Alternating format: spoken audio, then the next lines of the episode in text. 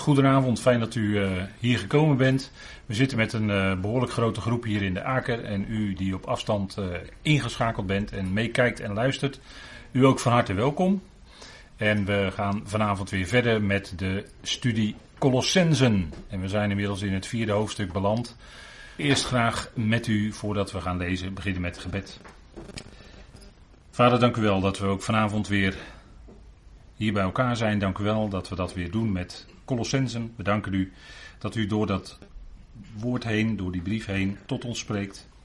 Vader, dank u wel voor uw evangelie, voor dat evangelie van de heerlijkheid van Christus. Het geheimenis van Christus, wat zo in deze Colossensenbrief naar voren is gekomen en naar voren komt. We danken u dat we daar kennis van mogen hebben met ons hart. Dank u wel dat we mogen toeleven naar het moment waar de apostel over spreekt. We danken u voor die heerlijke toekomst en we danken u dat we ook in dat wat we mogen weten uit uw woord mee kunnen leven elke dag.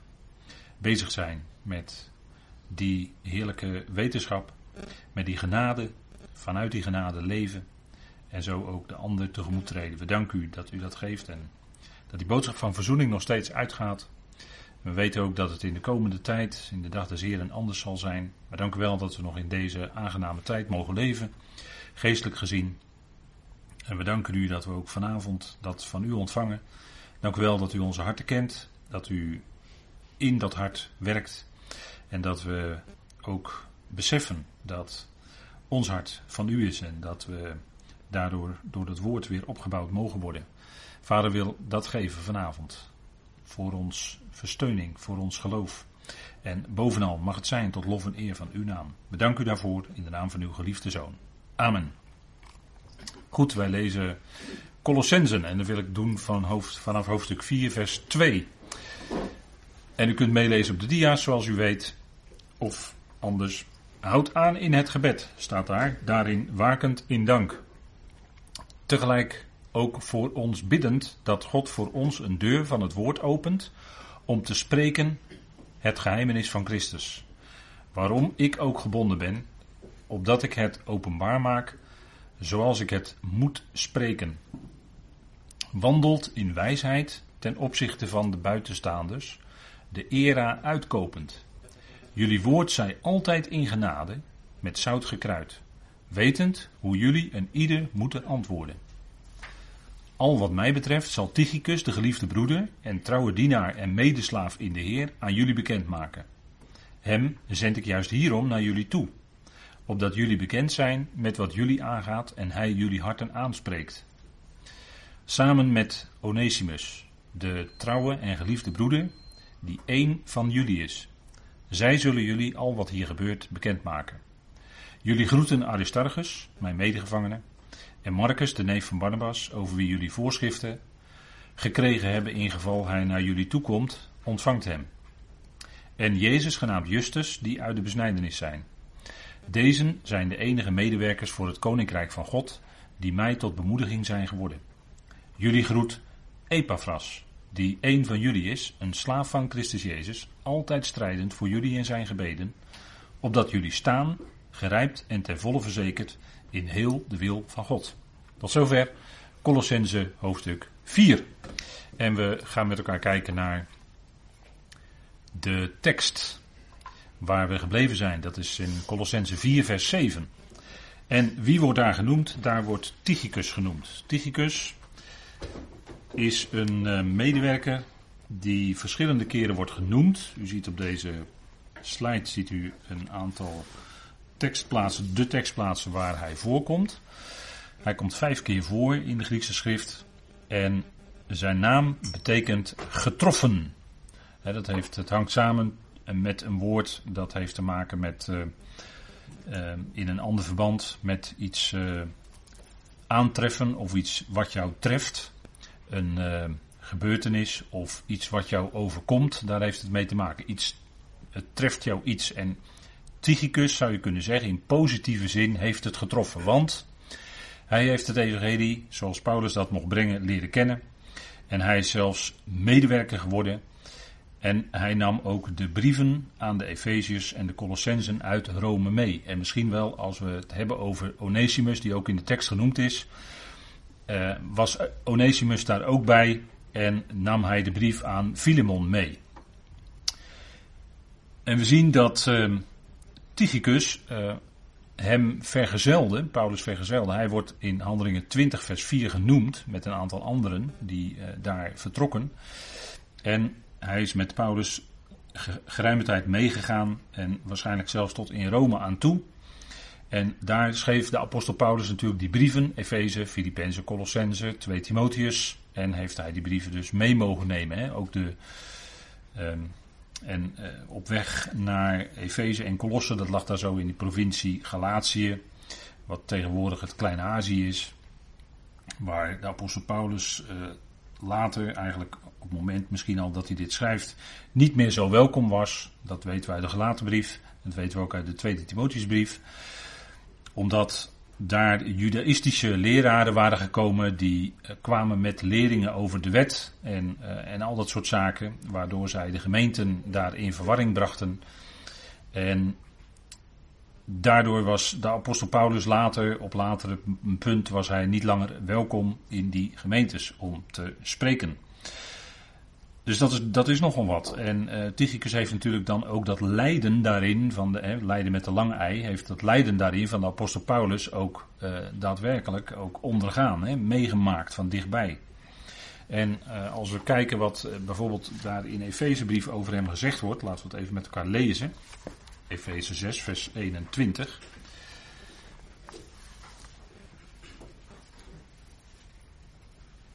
En dat is een soortgelijk woord als dat we net gelezen hebben in Colossense 4. Opdat echter ook jullie weten wat mij aangaat en waarmee ik bezig ben, zal Tychicus, de geliefde broeder en trouwe dienaar in de Heer, alles aan jullie bekendmaken. Of jullie alles bekendmaken. Tychicus was dus iemand die was met Paulus meegegaan. Hij was een trouwe medewerker, een uh, geliefde broeder, zoals het daar ook staat. En dan zien we ook hoe de genade in zo'n leven van zo'n Tychicus werkt. dat hij meeging met de, apostel, dat hij hem trouw terzijde stond, hem trouw diende. En uh, ook met, want het was niet niks dat hij die brieven dan mee mocht nemen, dus het was iemand die uh, uiterst betrouwbaar was. En Paulus zegt het ook tegen Timotheus, als je dingen doorgeeft, dan zou je dat doen aan betrouwbare mensen, die op hun beurt ook weer trouw zullen zijn om anderen te onderrichten, zegt hij tegen Timotheus, om anderen, aan anderen dat woord door te geven. Tychicus, en daarin in die naam, hè, daar zit dat getroffen in. En nou, eigenlijk zijn wij dat allemaal hier. Hè. Wij zijn eigenlijk een beetje allemaal Tychici, want wij hebben het ook getroffen. Het is in ons leven ook geland, hè, dat woord van de apostel Paulus. Hè. Wij zijn ook daarmee bekend geworden. En dat heeft ons getroffen. Het heeft ons hart geraakt. Het heeft ons leven veranderd. Zodat er in ons leven geloof en trouw en al die geweldige zaken van de geest langzaam maar zeker, of misschien wel heel snel, zichtbaar werden en zijn geworden. Tychicus.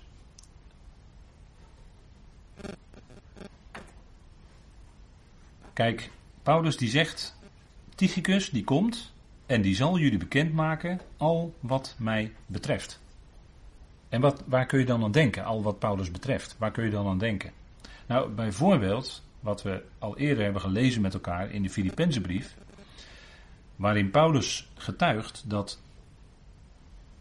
hij omstandigheden meemaakte die moeilijk waren. Hij stond onder grote druk, hè, dat, dat meldt hij aan de Filippenzen, hij stond onder grote druk hij ging in ootmoedigheid zijn weg. En hij zegt daarin ook, nu bedoel ik broeders dat jullie weten dat mijn omstandigheden veel eer tot vooruitgang van het evangelie hebben geleid. Zowel mijn, zodat mijn boeien in Christus openbaar geworden zijn aan het hele pretorium en alle overigen. Dus hij was daar terechtgekomen en daar had, had hij natuurlijk ook niet zijn mond gehouden. Maar daar was ook uitgegaan wat hij sprak, een evangelie, en op afstand bleek dat de broeders die hadden natuurlijk in zijn banden of in zijn boeien, hij heeft het hier over mijn boeien, aangaande mijn boeien, daardoor hadden andere broeders natuurlijk te neergedrukt kunnen raken. Maar wat was er gebeurd? Juist omdat Paulus in gevangenschap zat, in boeien zat en uh, heel erg beperkt geworden, was geworden in zijn actieradius, in zijn mogelijkheden. Daarom had het merendeel van de broeders vertrouwen gekregen in de Heer aangaande mijn boeien en durft des te meer onbevreesd het woord van God te spreken. Dus broeders die durfden dat evangelie uit te brengen, ondanks de tegenstand die dat onherroepelijk opriep. En dat is wat uh, Tychicus bijvoorbeeld aan die Colossense zou hebben kunnen meedelen. Dit soort dingen, daar moeten we dan aan denken.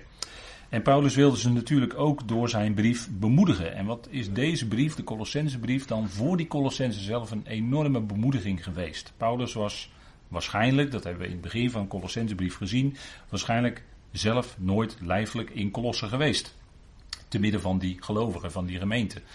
Maar hij had enorm contact en Epaphras had daar het woord gesproken en dat had grote vrucht gedragen.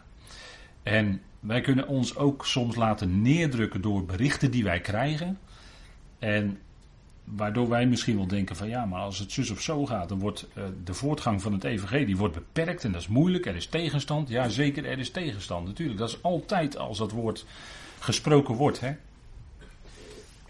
Maar het evangelie uitgaat, dan komt onherroepelijk komt daar weerstand op. Waarom? Omdat die waarheid van God bekendgemaakt wordt. Dat zag je al bij Israël, bij de profeten. En dat zie, dat zie je dus heel duidelijk ook in de Griekse schriften. Bij de Heer Jezus zelf riep het grote weerstand op wat hij sprak. Waarom werd hij veroordeeld? Waarom wilde het Sanhedrin hem weg hebben? Dat was om datgene wat hij sprak. Want hij had voortdurend ook hele felle discussies met de Joden. Hè, die vanuit de orthodoxie, die vanuit hun achtergrond, hun traditie. En de Heer Jezus die sprak heel anders. En dat riep weerstand op. En hij wilde natuurlijk alleen maar spreken wat hij van vader hoorde. Hij wilde alleen die waarheid spreken. En dat was de reden waarom het Sanhedrin hem weg wilde hebben. Dat woord, dat riep weerstand op. En dat is, dat is niet anders bij Paulus.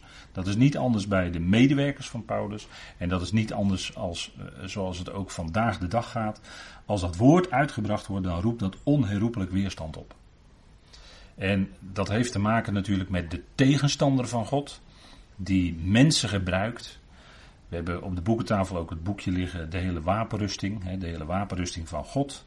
Nou, die zouden we aan hebben, want de vurige pijlen van de boze die vliegen in het rond en die proberen ons te treffen. En daarvoor hebben we die wapenrusting, daar hebben we dat langschild van het geloof, waarmee we die vlammende pijlen kunnen doven. En daar had Paulus ook mee te maken, die wist dat natuurlijk als geen ander uit eigen ervaring. Tegenstand, weerstand. Toen hij zijn laatste toespraak hield in Jeruzalem, en dat is in eh, handelingen, dan zitten we zo in handelingen 1, 22. Toen moest hij ontzet worden door de Romeinse wacht, want anders hadden ze hem daar gelyncht, hè, Paulus. En eh, dat, dat was dus niet niks. Hè. Ze hadden hem, eh, het liefst hadden ze hem ter dood willen brengen. En er zijn daarna, of in handelingen lees je ook, dat er op meerdere momenten aanslagen op zijn leven werden beraamd. Hè. Een neef van hem, die hielp hem en zo kon hij door een venster in de muur ontsnappen. Een neef van Paulus heeft een belangrijke rol gespeeld daarin. Omdat die doorkreeg dat er een listig plan was beraamd. En zo kon Paulus op tijd s'nachts eh, toch ontsnappen aan zo'n aanslag. En dat is natuurlijk toch heel wat. Hè? En zo is het steeds. Mensen die worden om die waarheid van God. En de kerkgeschiedenis de afgelopen 2000 jaar kunnen we daar ook zo heel wat voorbeelden van noemen. Die zijn letterlijk gedood om die waarheid van God. En eh, ja, dat is, dat is nu eenmaal iets dat in de afgelopen 2000 jaar niet populair is. Er wordt, zodra die waarheid naar voren komt, wordt er alles aangedaan om die waarheid onder het tapijt te vegen of uh, hoe je het ook allemaal maar noemen wilt. En Paulus wilde hen niettemin bemoedigen en dat, dat schrijft hij dan ook aan de Filippenzen. Dat zijn omstandigheden die, die best moeilijk waren, lastig. Dat die juist tot bevordering van het evangelie hadden geleid. En hij zegt ook uh, in, in de Timotheusbrief dat het woord van God niet gebonden is. Het woord van God is niet geboeid. Het woord, God zorgt altijd voor mensen, zorgt altijd voor wegen dat het woord toch doorgaat. Mensen, de tegenstander, die wil dat wel belemmeren en liefst helemaal wegdrukken. Maar God zorgt er altijd voor dat het toch op een of andere manier bekend is. Hij heeft ervoor gezorgd dat zijn woord bewaard is geworden. Eerst door Israël en vervolgens ook binnen het grote geheel van het christendom, binnen de kerk. En dat is toch bijzonder.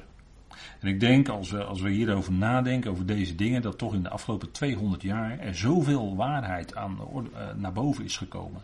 Doordat het stof van de traditie van de schrift af werd geblazen. Dat die grondtekst weer naar voren kwam. En dat daaruit bleek dat er heel wat traditie overheen was gesneeuwd, om het zo maar te zeggen. Maar dat het allemaal uh, weggeblazen werd door de geest van God die dat in de laatste fase van deze boze aion, want daar zitten we natuurlijk toch in, hè, die laatste fase.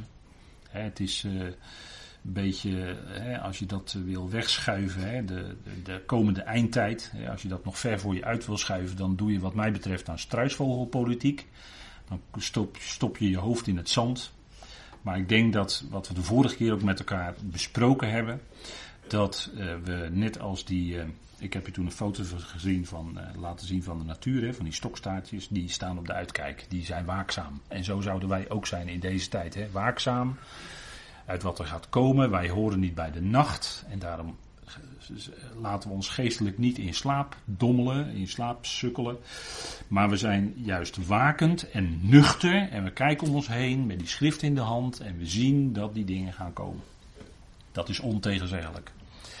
En dat is denk ik wat, uh, wat we, uh, ja, daarom is het uh, ook actueel, hè, als we dat onderwerp hebben. Wie gaan mee bij de opname? Ik denk dat het heel actueel is. Hè, dat dat, we hebben daar jaren geleden over gesproken met elkaar. En ik denk dat dat hele lichaam van Christus, hè, dat hele lichaam van Christus, ieder die gelooft dat Jezus stierf en opstond zonder verdere voorwaarden, die hoort bij het lichaam van Christus. En dat is natuurlijk een geweldig moment van weerzien, van opstanding, van levendmaking, van het feit dat ons lichaam veranderd zal worden. Dat, dat is wat, wat aanstaande is. En, en we kijken uit, hè, wij verwachten. Wij kijken niet zoals Israël naar de tekenen, hè, aan zon, maan en ster of wat dan ook. Nee, wij verwachten de Heer uit de hemelen, die ons vernederd lichaam veranderen zal. Daar kijken we vol verwachting naar uit. En is dat verkeerd? Nee, dat is niet verkeerd. Dat is bijbels als je dat doet. Ik denk dat dat uh, fijn is om met elkaar nog eens tegen elkaar te zeggen. Hè? Kijk, Tychicus was een geliefde broeder en een trouwe dienaar. En daarin zie je eigenlijk die liefde van God in zo'n leven naar voren komen. Hij was een geliefde broeder. En uh, Johannes zegt daar ook wel iets over. Geliefd, hè? Geliefde broeder en trouwe dienaar. Hij daar wordt het woord agape ook gebruikt. Hè? Dat is zonder voorwaarden, dat is belangeloos. U, u, u, kent al die begrippen die er aan vastzitten. Maar die liefde van God, die gaat ieder aan. Ieder mens. Ongeacht wat, uh, hoe die mens is. Maar God houdt van mensen. God houdt van alle mensen, van ieder mens. Dat is zijn liefde. En hij zal ieder mens ook terechtbrengen. Dat is zijn liefde. En geliefd door God dat wordt ook tegen ons gezegd. Er wordt niet alleen natuurlijk van Tychicus gezegd, maar als we dat even opslaan met elkaar in Romeinen 1 vers 7, ik heb daar die tekst aangegeven, dan zijn wij geliefd door God. Paulus die schrijft aan allen die in Rome zijn, Romeinen 1 vers 7, geliefden van God en geroepen heiligen. Genade zijn jullie en vrede van God onze Vader en van de Heer Jezus Christus. Dat geldt niet alleen voor die Romeinen toen, maar dat geldt voor u en mij en iedereen vandaag. Iedereen die dat leest, iedereen die zich geroepen weet, die hoort daarbij. Geliefde van God, geroepen heiligen. Dat zijn u en ik, dat mogen we ons bewust zijn. Geliefd door God. En als je s'morgens wakker wordt, en misschien kun je wel eens wakker worden, of misschien wel vaak wakker worden, dat je je echt niet lekker voelt, dat je je ellendig voelt. Niettemin is het zo, God heeft je lief. Je bent geliefd. En dat is wat we ook aan elkaar mogen doorgeven. Je bent geliefd. Je bent in zijn hand. En dat is een liefdevolle hand.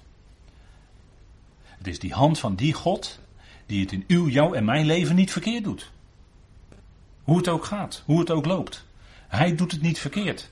God maakt geen fouten onmogelijk. En God maakte ook geen fout toen hij de tegenstander als tegenstander schiep. Het kwaad, het boze.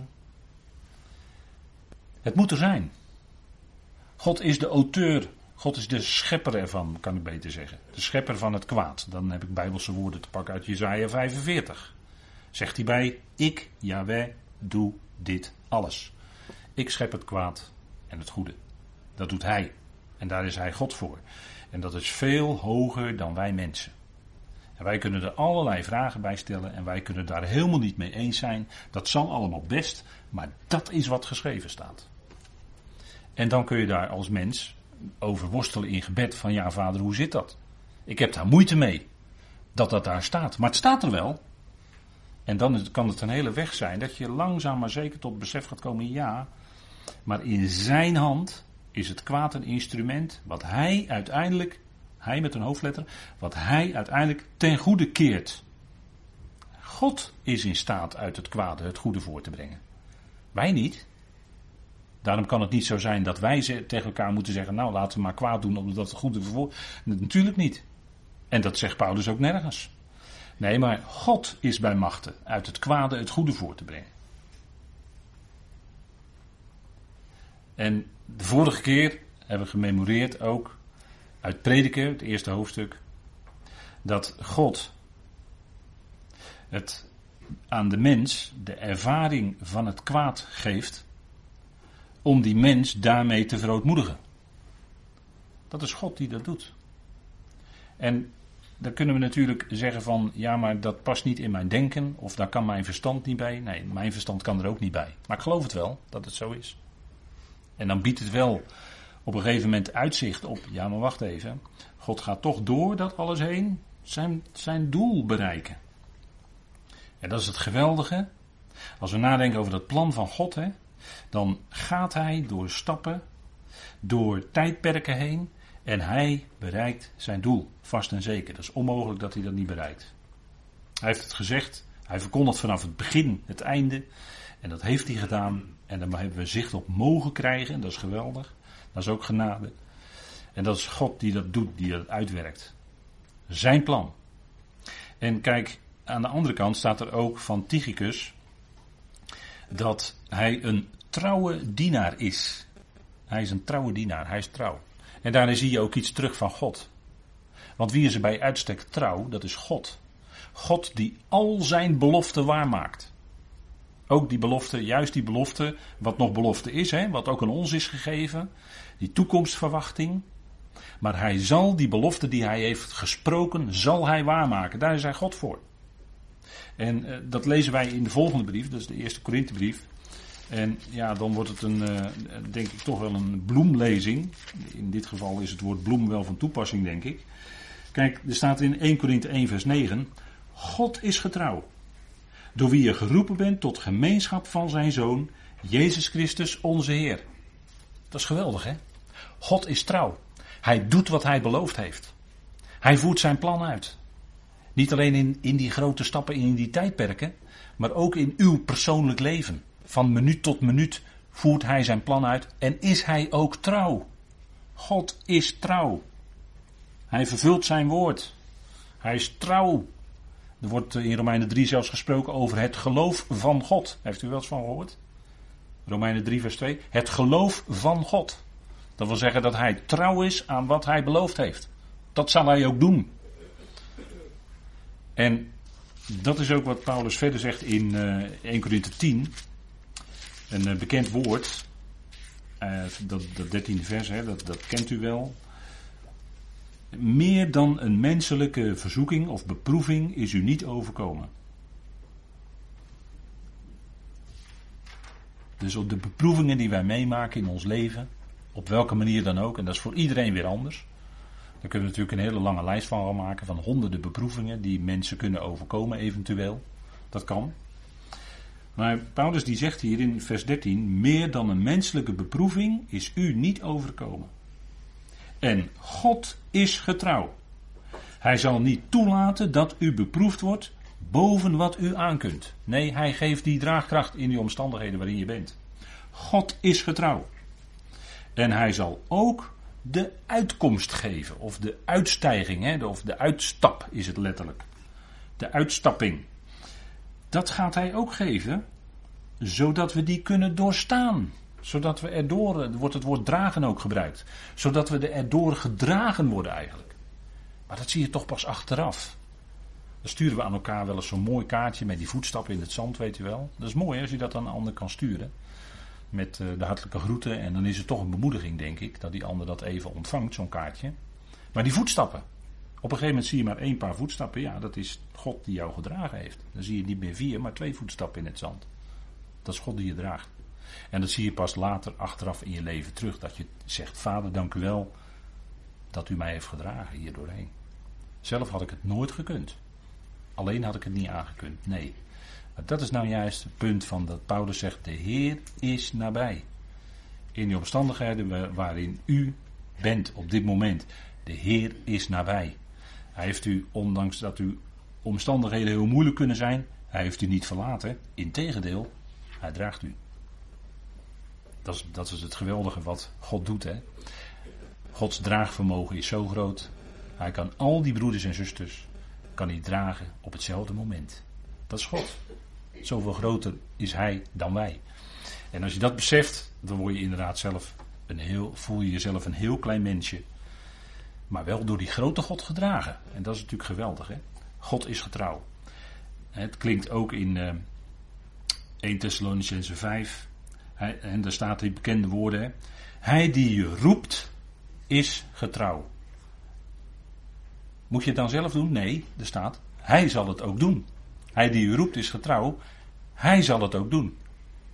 Dus als we draagkracht nodig hebben, en we bidden daarom, hij zal het doen. Hij zal die draagkracht geven. En dat is wat al in zoveel geloofslevens is gebleken. Ook in het leven van de apostel Paulus zelf. Gaf hij ook die draagkracht om die hele bediening te kunnen doen. En als het heel moeilijk was, werd tegen Paulus gezegd toen hij het heel moeilijk had. Paulus, mijn genade is je genoeg. En vul nou eens even jouw eigen naam dan in. Je hebt misschien geen doornen in het vlees. Je hebt misschien niet een bode van de tegenstander die jou met vuisten slaat. Maar vul je eigen naam in.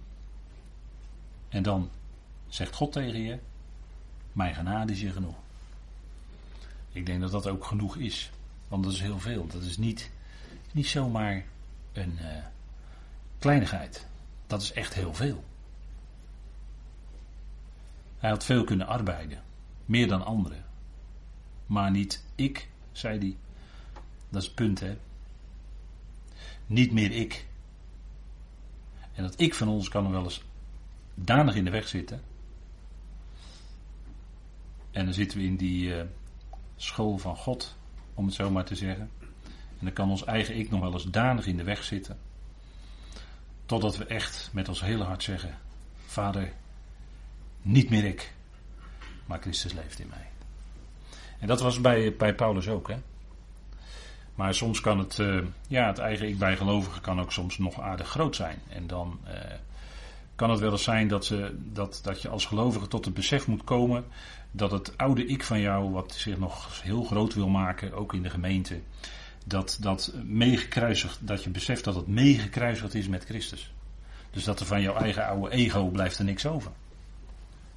Dat is geen uh, makkelijke boodschap voor de mens natuurlijk. Hè? En dat is waarom ook gelovige mensen dat evangelie van Paulus een beetje soms van zich af willen duwen. Dat heeft daar met die dingen te maken, met het woord van het kruis. Het woord van het kruis wil zeggen, jouw ego, uh -uh, nee, dat is mee gekruisigd. Daar komt voor in de plaats het leven van de Heer zelf. Zijn leven in u. Dat Hij zijn leven in ons uitleeft. Daar gaat het natuurlijk om. Dat Christus door het geloof in ons hart woont. Daar gaat het om, hè. Ik denk dat dat belangrijk is. Hè? Dat dat uh, wezenlijke, hele wezenlijke dingen zijn van dat evangelie wat Paulus mocht brengen.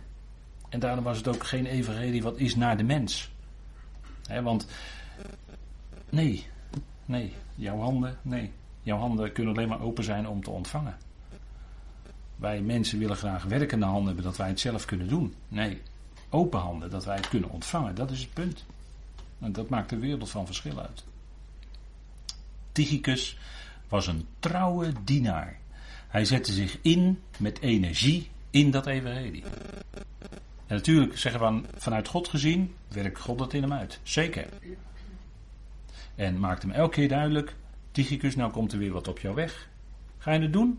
Ja, heer, geeft u mij de kracht ervoor, want vanuit mezelf. En, en dan ging Tychicus weer.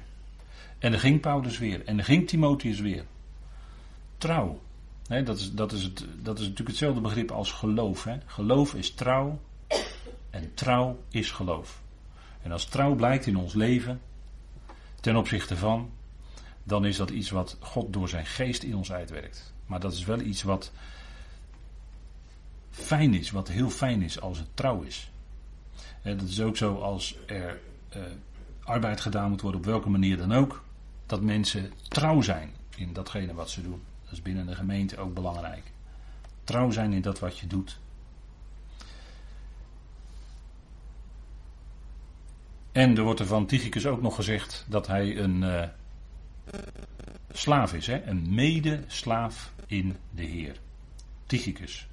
Een mede-slaaf in de Heer. En dat woord in de Heer, dat weet u.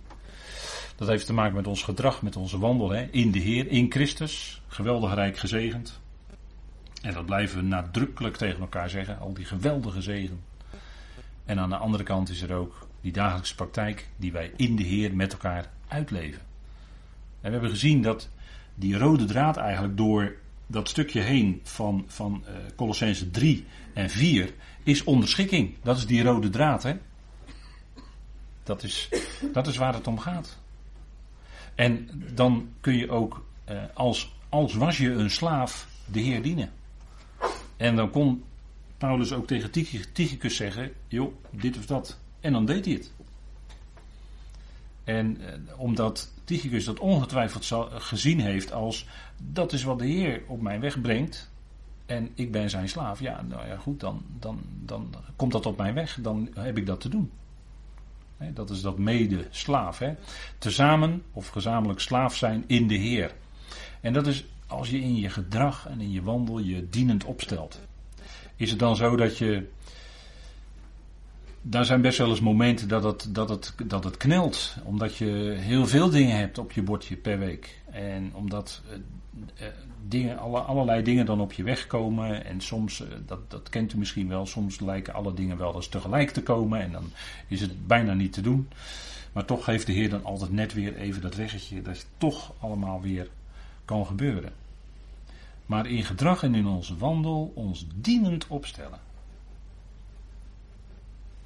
En, en, en Nederlanders die zijn heel eigenwijs. Hè? Nederlanders die zijn heel eigenwijs. Die weten allemaal heel goed hoe het moet. Die bemoeien zich overal mee. Die gaan over alle kleine en grote dingen met elkaar in discussie. Ze weten het allemaal beter. Dat is typisch Nederlands. Daarom heb je hier in Nederland ook zo'n verschrikkelijk kerkgenootschapjes en kerken. Dat heeft daar ook mee te maken, denk ik. Die, die, die uh, eigenwijsheid van de Nederlanders, dat is ons eigen dan gaan we eerst uitgebreid, moet iets gebeuren, gaan we eerst uitgebreid eh, met, eh, als je dan tien Nederlanders hebt, dan hebben ze tien meningen over hoe het moet gebeuren. En dan ben je al zoveel tijd aan discussie verder. Terwijl in die tijd had je het al lang kunnen doen natuurlijk. Ik bedoel, ja. Of zeg ik nou wat te simpel? Ik zeg misschien allemaal wat te simpel. Hè. Dan zegt u, ja, in de praktijk is het allemaal niet zo eenvoudig, is het allemaal niet zo simpel. Maar kijk, als bij Tychicus nou, als Paulus nou eens wat aan Tychicus vroeg, dan was Tychicus iemand die zei, die stelde zich dienend op. En Paulus zegt, joh, ga jij nou met die brieven naar... En Tychicus ging. Kijk. Dat, en dan, dan werkt het ook, hè. Dan werkt het ook. Dienend opstellen. De Heer zelf was toch daarin het grote voorbeeld. Als voorloper van ons. Hij kwam toch niet om te heersen, maar om te dienen. Dat zei hij zelf en dat, dat leefde hij volledig. Hij kwam om te dienen en zijn ziel te geven als los, overeenkomstig losgeld voor velen. Dat deed hij. Hij zei het. Terwijl ze met elkaar ruzie maakten. Hè, de, wie waren dat? De zonen van Boanerges, geloof ik. En die maakte dan, uh, en er kwam dan iemand bij de Heer en die, die zei dan: Heer, u, u zorgt toch wel dat mijn, mijn zoons de beste plekje hebben in het koninkrijk. Toen zei de Heer dit antwoord dat hij niet gekomen was om te heersen, maar om te dienen. En daarmee zette hij wel de spreker, of degene die bij hem kwam, op, op de plek. En zo is het ook voor ons. Kijk, we zijn nu nog niet in een positie, straks te midden van de hemelingen is het anders. Maar we zijn nu nog in een positie, in een, laten we maar zeggen, in een dienende, dienende positie. Dat is hetzelfde als wat we in Filippenzen hebben gezien, ootmoedigheid, die gezindheid. Niet om onszelf, nee, dienen. Daar gaat het om. En dat is ook uh, wat, wat we kennen in het woord diakonos, hè, dat betekent dienaar. Nou, dat, dat is wat uh, in, in die zin. Hè, natuurlijk kennen we, in de kerk hebben we natuurlijk allerlei diakenen enzovoort. Maar hè, dat, alsof er uh, een, een, klein groepje maar dan alleen dient in de kerk. Dat is natuurlijk niet zo. alle gelovigen zijn diakenen in feite, zijn dienend. En dat is, dat is hoe je opstelt. En dat is binnen de gemeente. En dat is binnen je dagelijkse leven. in, in, uh, waar je ook bent, op je werk of, of thuis. Of uh, hoe je ook bezig bent. Je dienend opstellen. Ik denk dat dat, dat, dat een, iets is van een kenmerk van ons. En dan zegt Paulus ook: Hem zend ik juist hierom naar jullie toe. Opdat jullie bekend zijn met wat jullie aangaat. Dus Paulus die was heel doelgericht. En Tychicus mocht die brief meenemen die de Colossense later voorgelezen werd. Want zo ging dat in die tijd. Hè. De brieven werden voorgelezen. En dat luisterden ze. En de mensen hadden een heel goed geheugen. Veel beter dan nu. Want nu hebben we alles digitaal. Kunnen we het zo opzoeken. Maar in die tijd was het het voorlezen van stukken of van brieven. En dan onthielden de mensen daar heel erg veel van. Zo ging dat in die tijd. Hè. En daarom ging het ook in briefvorm, die dan aan de gemeente werd voorgelezen. Dat zegt Paulus ook in zijn brief, hè, omdat deze voorgelezen wordt in Laodicea enzovoort, hè, in al die gemeentes. En dan, die mensen hadden heel goed geheugen. En eh, tegenwoordig eh, lijkt ons geheugen wel een zeef, want eh, we denken toch van, ja, maar het staat wel ergens, ik kan het zo opzoeken. Paulus die gaf, hen, gaf die brief, die rijke brief mee aan Tychicus. En dan zegt hij, opdat jullie bekend zijn met wat jullie aangaat. En wat, gaat, wat ging hen aan? Dat is wat we gelezen hebben, het geheimnis van Christus. Dat ging hen aan. Dat geestelijke, die geestelijke rijkdom, die kreeg Tychicus mee. En dat betrof onder andere die Colossense. Dat geweldige geheimnis van Christus, dat hij niet alleen op aarde koning zal zijn van de koningen, maar dat hij ook te midden van de hemelsen, die hemelse heerschappij van Christus met name, daar heeft Paulus het over. Dat volle geheimenis van Christus. Dat hij die in wie alles geschapen was. Dat ook door hem het al wederzijds met God verzoend wordt. Verzoend zal zijn. Dat is dat geweldige geheimenis van Christus. Dat overspant alle ruimte en tijd. En, en dat, is, dat is enorm. Dat is. Ja, dan ga je bijna weer in Griekse voorzetsels spreken. Maar dat, dat is iets groots, hè? Dat geheimenis van Christus. En, en dat mocht Tychicus, dat mocht Epaphras daar bekendmaken. Dat geheimenis van Christus. is natuurlijk geweldig als je daar zicht op krijgt. En veel, voor veel mensen is dat helaas nog een geheim. En daarom is het zo bijzonder dat, wat ik net al even memoreerde, dat in de afgelopen 200 jaar er zoveel waarheid naar voren is gekomen. En ook deze dingen, zo bijzonder. Geestelijke, hemelse zegeningen in Christus Jezus. Dat geheimenis van Christus omspant iedereen. Die verzoening gaat iedereen aan. Dus u kunt dat elke dag met iedereen, elke dag oefenen met andere mensen. Moeilijke mensen, stekelige mensen, mensen die tegen je ingaan, mensen die je dwars zitten, mensen die ruzie met je willen maken. We zijn verzoend. Houd voor zover het van u afhangt vrede met alle mensen, zegt Paulus toch? Met alle mensen. Dan zegt u nou, ga er maar aan staan. Maar die vrede is in ons hart. En we zijn niet uit op conflict. De tegenstander, de geestelijke macht en krachten zijn wel uit op het conflict. Die handelen die willen graag dat er gehandeld wordt volgens het principe verdeel en heers. Volgens dat principe, hè, dat wat we in de maatschappij volop aan de gang zien. Maar dat is het werk, dat is, het, dat, is het, uh, dat is de tactiek van de tegenstander. Dat is niet onze tactiek, om het zo maar te zeggen.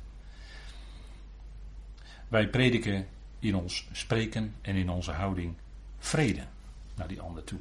Vrede. Om te laten zien wat vanuit God nu aan de hand is. Het is vrede. Hij heeft vrede gemaakt in het bloed van het kruis. Het is nog steeds een wel aangename tijd. Het is nog steeds een bijzondere dag waarin we mogen leven. Een dag van redding. Niet de enige dag van redding, maar wel een hele bijzondere dag van redding. En dat is waar we in mogen leven. En is dan ons handelen en spreken en zwijgen en noem alles maar op, is dat dan erop gericht? Vrede. Daar gaat het om. Hè? Kijk, een conflict, dat heb je zo. Maar vrede bewaren, dat is, dat is soms heel lastig hoor. Dat is soms echt, uh, hoe noemen ze dat? Op eieren lopen. Hè? Zoiets. Maar dat is leven vanuit het besef wat dat geheimenis van Christus inhoudt. Dus heb je directe koppeling vanuit wat je geestelijk mag weten naar je dagelijks leven. En dat is steeds zoals Paulus bezig is. direct naar de praktijk toe van hoe werkt dat nou uit? Nou, dat is, dat is helemaal Paulus. Het woord van Christus, hè, dat uh, Tychicus, daar zegt Paulus ook, opdat hij jullie harten aanspreekt. En wat is er aansprekender dan het woord van Christus? Dat geheimenis van Christus. En Paulus, dat hebben we met elkaar besproken in het 16e vers van hoofdstuk 3. Het woord van Christus wonen rijkelijk in jullie. Laat dat je hart aanspreken. En wat mocht Tychicus een rijkdom meebrengen, zodat hij de Colossense daarmee kon aanspreken. Het hart, daar gaat het om. Natuurlijk, het hart, dat is het innerlijk van de mens. Dat is het wezen van de mens. Wordt meestal in beeldspraak gebruikt in de schriften. Maar het hart is, net zoals het letterlijk de bloedpomp is, waardoor heel het leven, je hele lichaam gereguleerd wordt. Maar figuurlijk gesproken in de schrift is het hart natuurlijk het centrum van ons bestaan. Daaruit leven wij. En Jeremia die zegt daar iets over. En dat zijn bekende woorden, maar ik wil toch nog een keertje met elkaar lezen. En als u vannacht wakker wordt en u zegt, hoe was het ook alweer? Nou, dan zou ik zeggen, even Jeremia opslaan en even nalezen. Jeremia 17, vers 5, er staat: Zo zegt de Heer, zo zegt Yahweh. Vervloekt is de man, en eigenlijk staat er dan niet het woord voor mens, maar er staat eh, het woord uh, voor meester. In het Jiddisch kennen we dat in het woord gabber. Maar dat betekent eigenlijk vanuit het Hebreeuws meester. Hè. Vervloekt is de meester die vertrouwt op een mens. En vlees tot zijn arm stelt. Dus uh, u ziet hoe duidelijk het woord is. Hè? Wil jij op jezelf vertrouwen? Wil je op je anderen vertrouwen? Wil je op andere mensen vertrouwen, op vlees? Dan zegt Jeremia dit: vervloekt. Terwijl zijn hart van de Heer afwijkt. Dus daar waar de mens met zijn eigen kracht willen kunnen denken, noem alles maar op met zijn vlees, zich in de plaats wil stellen van God, daar, daar rust de vloek op. Dan, dan kom je in een soort uh, bansituatie terecht. Terwijl zijn hart, daar gaat om het hart hè, terwijl zijn hart van de Heer afwijkt. En dat gebeurde bij Israël ook. En daarom moest Jeremia dit spreken, heel ernstig spreken. Het hart van de Israëliet week van Yahweh af. Ze gingen naar de afgoden. Hij zal zijn als een kale struik in de vlakte. En dat is dan zo'n. zo'n uh, er wordt hier het woord Araba gebruikt voor vlakte. Dat is dan zo'n uh, drooggevallen rivierbedding, zeg maar. Die het niet ziet wanneer het goede komt. En, en hij verblijft, en eigenlijk staat er het woord voor tent, hè, tabernakel, op de droogste plekken, of op de hete plekken in de woestijn. In zilt en onbewoond land. Dat is de ene kant. En de schrift werkt vaak met tegenstellingen en God werkt vaak door tegenstellingen. Daartegenover, tegenover die vervloekte, die vlees tot zijn kracht stelt, gezegend, dat staat er tegenover, hè, tegenover dat vervloekte in eh, vers 5. Gezegend is de man, en er staat er weer dat woord meester, gabber, die op de Heer vertrouwt.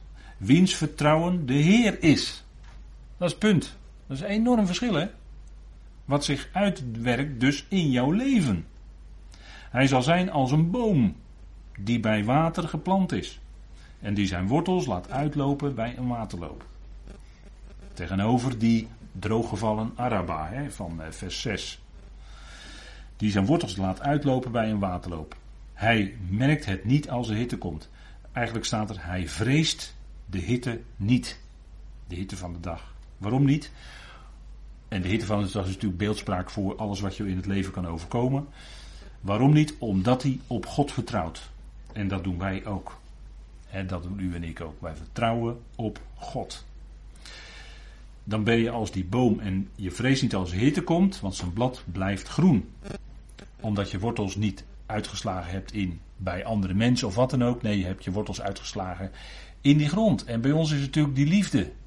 Geworteld en gegrond in de liefde, Efeze. Dan blijft je blad groen. Dan blijft het, in je leven blijft dat verfrissende steeds aanwezig. Dat nieuwe leven. Een jaar van droogte deert hem niet en hij houdt niet op vrucht te dragen. En dan komt de bekende uitspraak van Jeremia over het hart. Hè. Arglistig is het hart boven alles. Ja, ongeneeslijk is het. Wie zal het kennen? En dat vond ik eigenlijk wel mooi dat in de Engelse concordante vertaling dat woord wie met een hoofdletter staat hier. Want er wordt al een beetje antwoord dan ingegeven. En ik denk ook dat het gelet op de context ook zo is. Maar eigenlijk staat er krom. Krom is het hart. Een mensenhart is krom. Crooked, zegt het Engels dan. Hè? Krom is een mensenhart.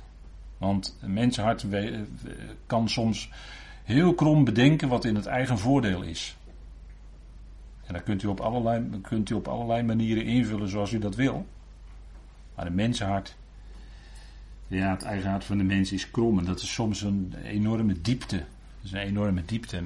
Hè? Wie kan het kennen? Zegt, uh, vraagt, uh, er staan geen vraagtekens natuurlijk, maar mag je mogelijk hier plaatsen. Wie kan het kennen? Het antwoord komt. Ik, Yahweh, doorgrond het hart. En het woord wat er dan staat heeft eigenlijk te maken met doorzoeken. Ik doorzoek het hart. En beproef de nieren. Dat is natuurlijk niet letterlijk, maar dat, is, dat wijst op ons innerlijk. Hè. De nieren gaat echt op ons. Als, als de, in, de, in de schrift het woord nieren wordt gebruikt, dan is het ook vrijwel altijd beeldspraak. Maar dan gaat het om ons diepste innerlijk van binnen. Wie doorgrondt dat? Wij niet van elkaar, maar de Heer wel. De Heer wel. Hij kent ons hart. Hij kent ons innerlijkste, binnenste, nog beter dan dat wij dat zelf kennen. En ik denk dat dat niet iets, niet iets is wat ons angstig maakt. Integendeel, nee, God is toch liefde, dat weten we toch. En als Hij ons innerlijk doorgrondt, dan kijkt Hij met ogen van liefde naar binnen. Dat, dat is toch wat we zouden beseffen met elkaar. En natuurlijk kan de Heer dan in ons leven genade inzetten die opvoedt. Dat kan. Dat kan. Dat is die Heer die dan dat hart doorzoekt. Dat is de Heer die de nieren toetst. Om een ieder te geven over de komstige wezen, overeenkomstig zijn wegen, overeenkomstig de vrucht van zijn daden. Er zijn veel wetmatigheden in mensenlevens. En dat uh, betekent dat bepaalde dingen die mensen doen, dat heeft onherroepelijk gevolgen. Dat zijn wetmatigheden. Die treden op, die zijn er. Die kun je niet wegpoetsen. En daar eh, heeft Jeremia het hier over natuurlijk. Hè. Om een ieder te geven overeenkomstig zijn wegen, overeenkomstig de vrucht van zijn daden. Bega je een misdaad, dan heb je een groot risico dat je in de gevangenis komt. En dat geldt voor ieder mens. Want ieder mens is onderhevig aan, als we hier over Nederland spreken, aan, is onderhevig aan Nederlandse wetten. Doe jij hier in Nederland een misdaad, kom je in de gevangenis, wie je ook bent. Maar je hebt de wet overtreden. En dan kom je voor de rechter. En dan kan de rechter een gevangenisstraf opleggen. En dan moet je in de lik, of in de nor, hè, zoals dat heet. Ik weet niet of het nog steeds zakjes plakken is, maar uh, dat was misschien vroeger aan de Noordsingel zo hier in Rotterdam.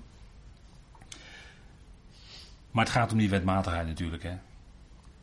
Over de komst de vrucht van zijn daden. En de Heer is die lief heeft. De Heer doorzoekt het hart. En de Heer toetst de nieren. En de Heer geeft in ons, in ons leven, geeft in ons zijn geest. En dat is die geest van de liefde. En zo. Het gaat om het hart. Als een mensenhart krom is, en dat is bij de mens vaak zo, dan zijn in dat hart kromme wegen. En dan gaat die mens ook kromme wegen dat was bij Israël ook zo. Jeremia sprak tot Israël. Israëls hart week af van Jahweh. En ze gingen kromme wegen, want ze gingen de afgoden aanbidden. Ze gingen de afgoden dienen in plaats van de Heer die ze hadden moeten dienen. Je zult geen andere goden voor mijn aangezicht hebben. Dat hebben ze aan alle kanten massaal overtreden in de loop van de geschiedenis. Ze weken af van Yahweh. En dat had consequenties, want de had gesproken. Als jij afgoderij gaat plegen in mijn land, dan moet je eruit. En ze gingen eruit. Ballingschap. Dat, zijn de, dat, ze, dat had de Heer neergelegd, dat is een wetmatigheid. Als Israël in het land zich niet houdt aan de wet van God, dan gaan ze eruit. En dat is gebeurd. De twee stammen en de tien stammen zijn, de, de tien stammen zijn nog grotendeels in verstrooiing. En de twee stammen ook nog wel voor een deel. Dat is een consequentie, dat is gevolg. En, en als het weer optreedt, en dat gaat weer optreden in de eindtijd. Dan gaan ze buigen voor het beeld van het beest en dan gaan ze buigen voor het beest. Dan, is, dan moeten ze eruit. Dat heeft consequenties. Dat is wat God gezegd heeft. En aan de andere kant is het natuurlijk zo dat de volkeren die, dat lezen we ook in het boek Openbaring, de volkeren die Israël dan verdrukt hebben, met name in de eindtijd, die zullen de consequenties daarvan dragen in de duizend jaar. Dat is de consequentie van de troon van zijn heerlijkheid. Dan, dan zullen volkeren een plek krijgen die geen zegen ontvangt van Jahweh. En andere volkeren zullen wel gezegend worden. En dat hangt af van hoe ze omgegaan zijn met Israël in die verdrukking. Want het punt is dat Israël niettemin Gods oogappel is. En als volkeren aan Israël komen, dan ligt dat heel gevoelig bij Yahweh. Hè? Dan ligt dat heel gevoelig bij God. Dat heeft consequenties. Dat heeft consequenties. Dus dat zal ook in de komende dag des Heren, in de duizend jaar, zal het gaan blijken. Je kunt niet zomaar aan zijn oogappel komen. Dat gaat niet. Dat heeft hij gezegd. En dat is, dat is een consequentie. Hè? Het hart, het hart van de mens. Het kan wel eens zijn dat je in je hart iets hebt van. Ja, ah, ja, ja, dat je over jezelf wat loopt te, mopperen en te klagen. En laten we daar iets over lezen in 1 Johannes 3. Ik heb die tekst daar ook aangegeven, 1 Johannes 3.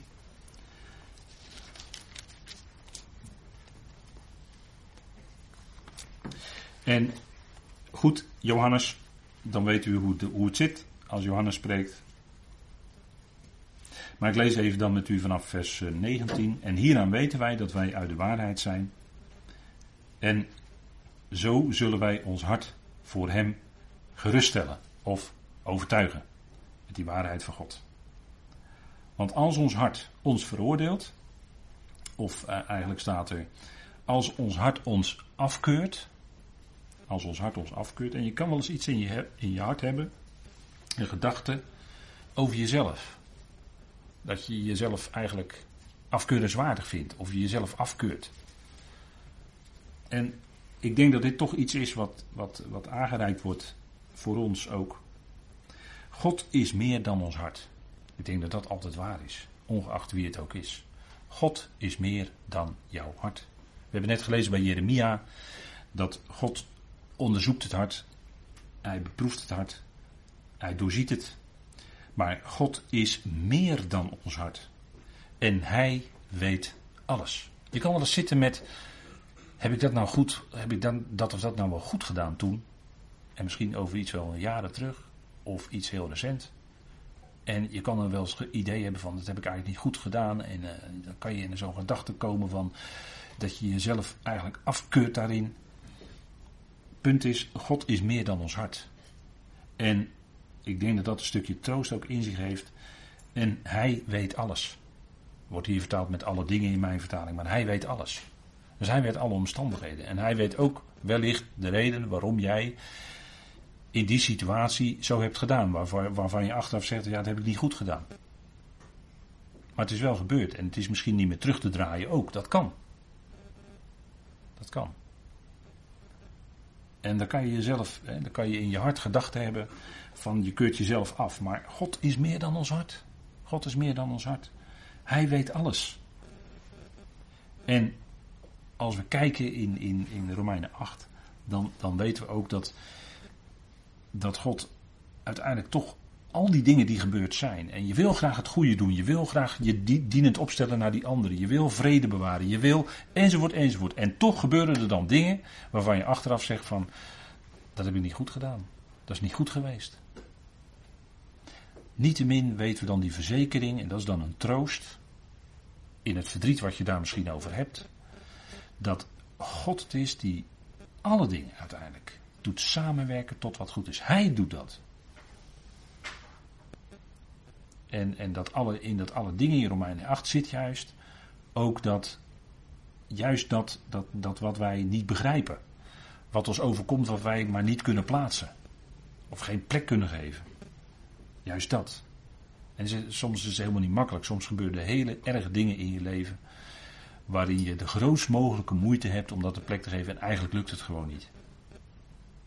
Eigenlijk lukt het gewoon niet. Ik las eh, gisteren van een eh, bekende Nederlandse schrijver. In wiens leven van hem en zijn vrouw iets ergs gebeurd was. Was iets ergs overkomen in verband met eh, een kind. En die zei ook dat, dat, dat, dat die pijn die je daarvan hebt, dat het lukt gewoon niet om dat een plek te geven. Maar het lijkt wel of het steeds meer uitdijt, dat woord gebruikt hij. Het lijkt wel of het steeds sterker wordt. Kijk, en als je dat, dus geen gelovige, maar als je dat zo leest van mensen, hè, hoe, hoe, intens een verdriet kan zijn, dan uh, maakt hij dat heel voorzichtig om uh, iets, iets te kunnen zeggen van, hè, dat zeggen mensen dan soms wel eens een beetje makkelijk, vind ik. Uh, van joh, dat, ja, nou ja, het is nu al zoveel jaar geleden, dat moet je maar een plek geven, zo hè. Nee, nee, zo werkt dat niet. Zo werkt dat niet bij mensen dat is bij iedereen weer anders. En uh, er zijn dingen die, uh, die, die maar steeds blijven doorschrijnen in je leven. En, en natuurlijk is er dan die, als je gelovig bent, weet je van die liefde van God die je omringt. En, en dat biedt je ook steeds weer troost. Maar dan blijft toch dat schrijnen. Dat, is, dat, dat, dat, ja, dat, dat zijn dingen die, die zijn in je leven aanwezig. En dat is, dat is helemaal niet makkelijk. Net zoals uh, mensen uit de Tweede Wereldoorlog, Joodse mensen, die uh, dingen, die verschrikkelijke dingen, die onbeschrijfelijk eigenlijk waren, in, in de kamp hebben meegemaakt, die dat overleefd hebben.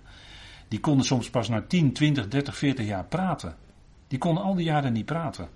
En wie zijn wij dan om daar, daar te verwijten? Moeten wij dat die mensen dan verwijten, die Joodse mensen? Natuurlijk niet.